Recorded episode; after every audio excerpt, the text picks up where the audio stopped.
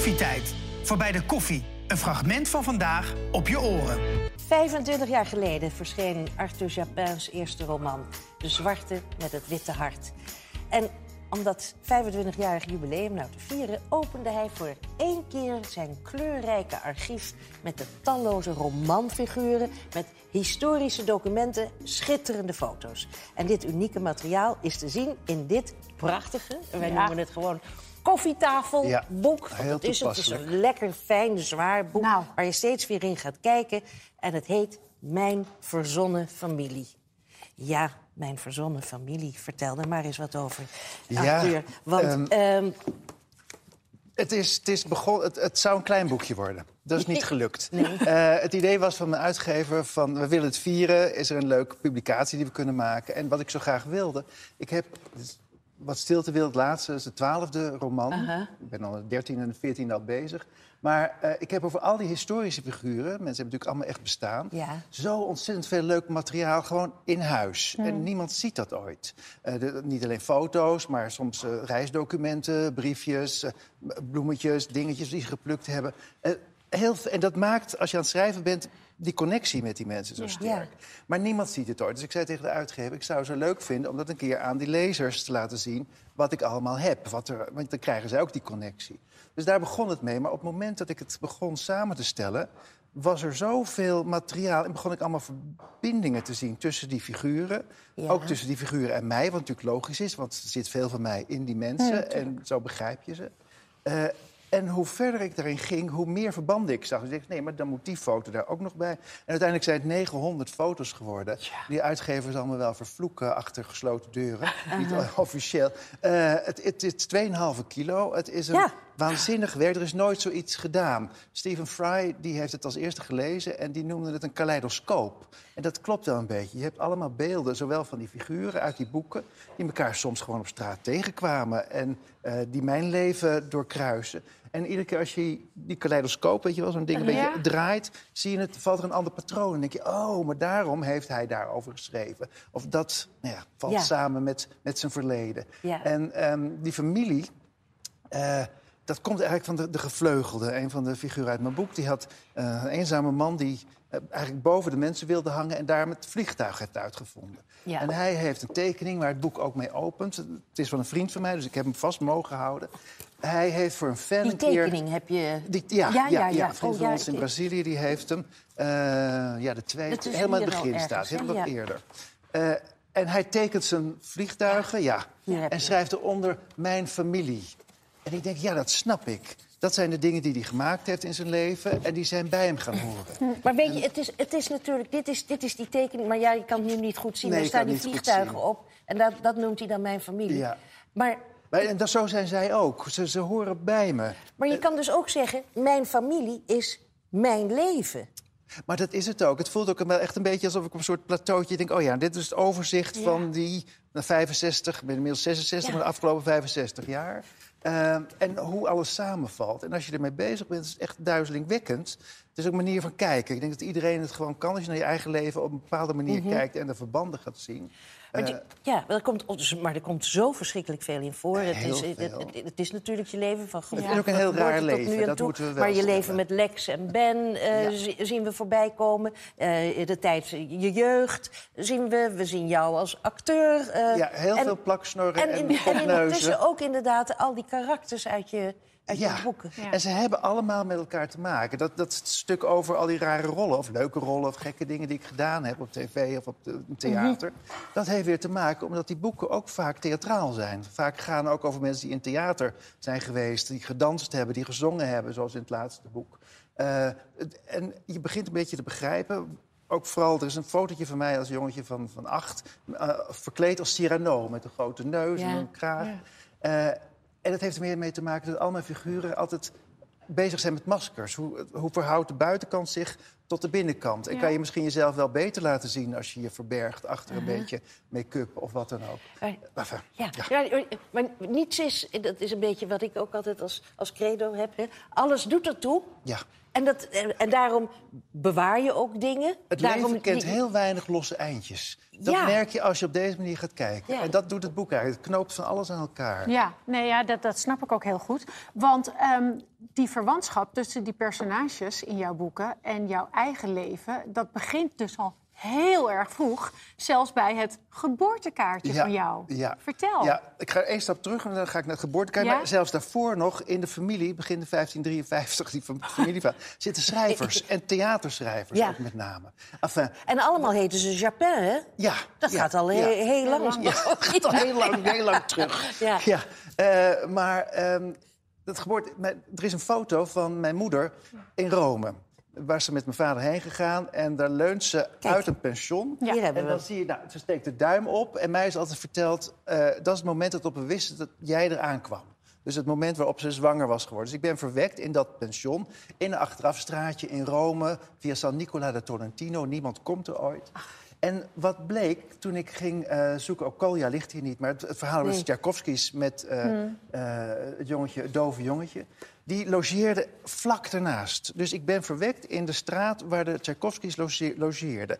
En dat is maar één voorbeeld van tientallen voorbeelden... waarin die levens van die figuren mij kruisen. Ja, of andersom, of hoe je het we zeggen even. Tchaikovsky. Eh, Ja. Ja, En hij, eh, hij was daar met Kolja en, en, en zijn broer en al die figuren uit het boek. En als je eenmaal gaat denken, hoe is het mogelijk? hier, daar is, dat dit het- is, hier is Kolja. Ja, ja. Ja, ja, zeker. Maar, maar ehm, wist je dat al toen je, toen je Kolja schreef? Toen, eh, toen Kolja aan het schrijven was, toen kwam ik dat tegen. Oh, ik denk, nee, dat kan niet, tegen? dat ze daar in die straat waren. Ja. Ja, ja krankzinnig. Weet hè? je wat ik En- ook zag Nou, in dit boek? Sorry. ja. Ik kwam een bekende tegen. Oh ja? Ja. ik zie alleen maar bekend in het boek.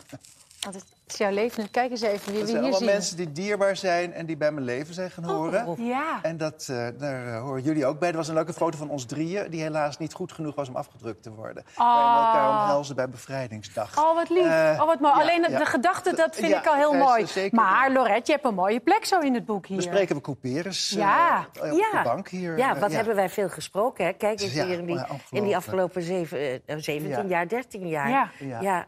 Wat ik Ja. dan, als ik dit, want we hebben natuurlijk dat hele boek lekker doorgebladerd, want er is zoveel te zien. Je raakt eigenlijk, denk ik, nooit uitgekeken. Het is echt een Hoe heb je dit allemaal bewaard? Het is ongelooflijk. Wat, wat heb jij voor archief? Hoe heb je dat gedaan? Ik heb een heel behoorlijk archief eh, en eh, probeer het ook zo goed mogelijk te bewaren. Zeker die spullen die van de, de historische figuren zijn. Natuurlijk, dat moet ook op een gegeven moment moet het naar een museum. Eh, iemand zei laatst al, moet het wel daar staan voor als er brand komt. Dus het- dat gaat een keer naar een museum toe. Ja. Oh, ja. En misschien moet ik een keer een mooie tentoonstelling maken. Dus dat heb ik. En, en ja, ik, heb wel, ik ben wel bewaarderig, geloof ik. Ja. Ja, Ja. ik heb ook altijd alles bijgehouden. Ook alle data dat ik hier wees, kan ik. Ik kan ze nu niet reproduceren. Maar daarom weet ik dat dit de Ja. zeventiende Ja. keer is. Eh, ja, ik ben wel een beetje... Misschien omdat ik zo'n chaotisch brein heb... dat ik dingen orden en bewaar en in dozen stop. En, dan, Mhm. en als je eenmaal gaat zoeken, en dat is bij jullie thuis ook zo... dan ga je zulke... Dan heb je zo'n rijk verleden eigenlijk. En eh, nou ja, als je dat een keer tentoon mag stellen, is dat eh, Leuk vind om even te laten zien, die hebben we ook apart gehaald. ehm, die, die foto van Kolja met dat bloemetje wat hij Ah. op de... Nee, Oh, dit nee, is nee, niet van nee, dit- Kolja. Dit, dit is, ja, dat zijn met die dingen die het heel persoonlijk maken. Dit ligt gewoon dus bij mij thuis. Ja? Ik heb het dan mooi laten inbinden en inpakken. Eh, dit is een bloemetje, is een vergeetmenietje. Geplukt door de zwarte met het witte hart. Hmm. Oh ja, dat was het ook. En eh, ja. het is daarom zo bijzonder. Ten eerste heeft hij dat zelf ook nog op dat kaartje genaaid. Dus je ziet precies hoe iemand ermee bezig is geweest. Aan de achterkant dat dichtgebonden. Eh, het is gestuurd aan de dochter van de kostschoolhouder in Delft... waar Quasi en Kwame opgroeide. En als je zoiets beet mag hebben, dan ben je zo dicht bij zo'n figuur. En vooral omdat het een vergeetmenietje is. Want het is iemand die inderdaad totaal vergeten was. En daarom is het zo fijn dat dat... Dat is mijn pleidooi voor de historische roman. Want mensen Ja. zeggen wel eens, waarom hou je niet bij de feiten?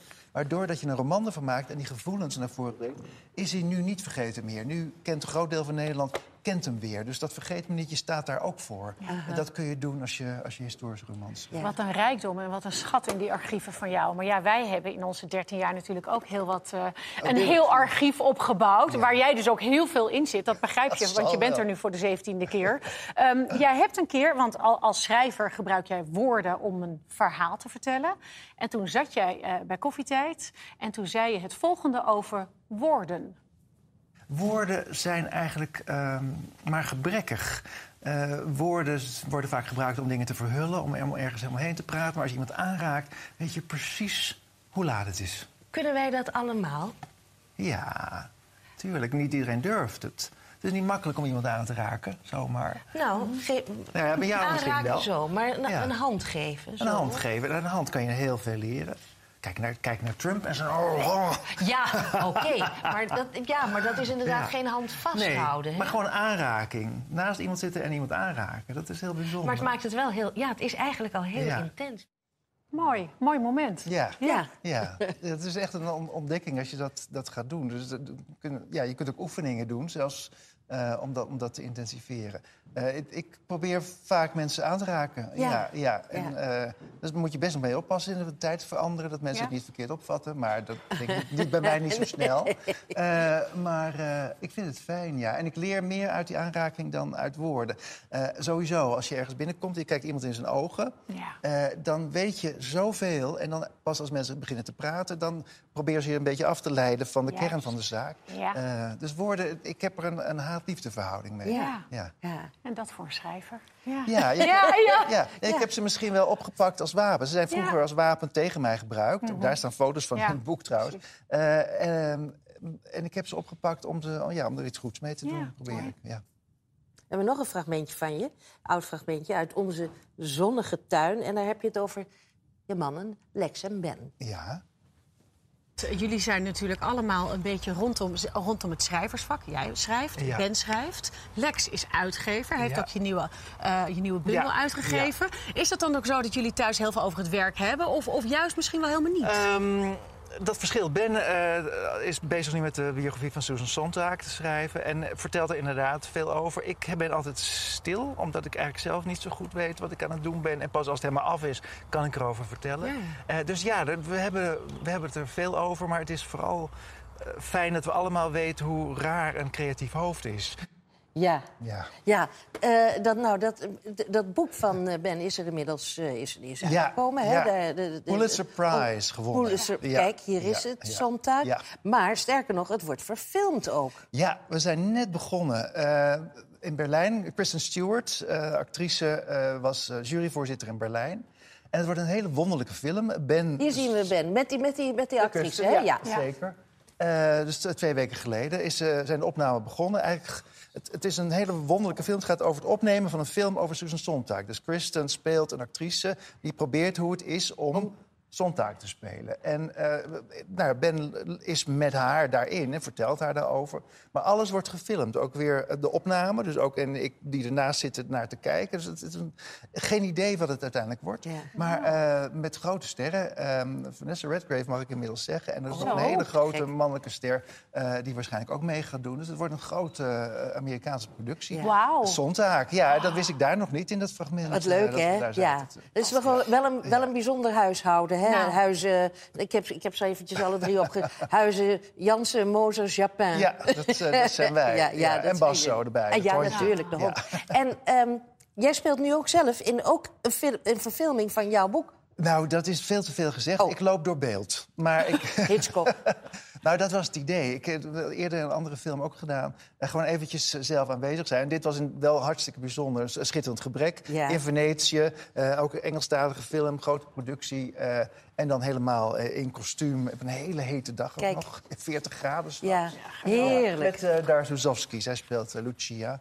Mooi. En de film komt, als het goed is, eh, eind dit jaar in Ja. de bioscoop. Dus dit boek krijgt gewoon nog een, vervolg. vervolg. En een vervolg en een Deel vervolg. 2, nou, dat Deel zeg ik maar niet twee. tegen mijn uitgever. Maar je zei net, wat een, wat, of ik zei dat geloof ik, wat, hoe gek een creatief hoofd is. En dat is eigenlijk wat dit is. Het Mm. Ja. is de weergave van dat hele rare leven en, en hoofd Met en manier al van denken. die verbindingen. Met alle dierbare mensen Ja. eh, die Ja. daarbij horen. Ja. Een mooie kaleidoscoop, zoals je al zei. Ja. Dat is Ja. inderdaad een hele mooie metafoor. Eh, altijd een feest om jou hier te hebben, Arthur. Altijd. Altijd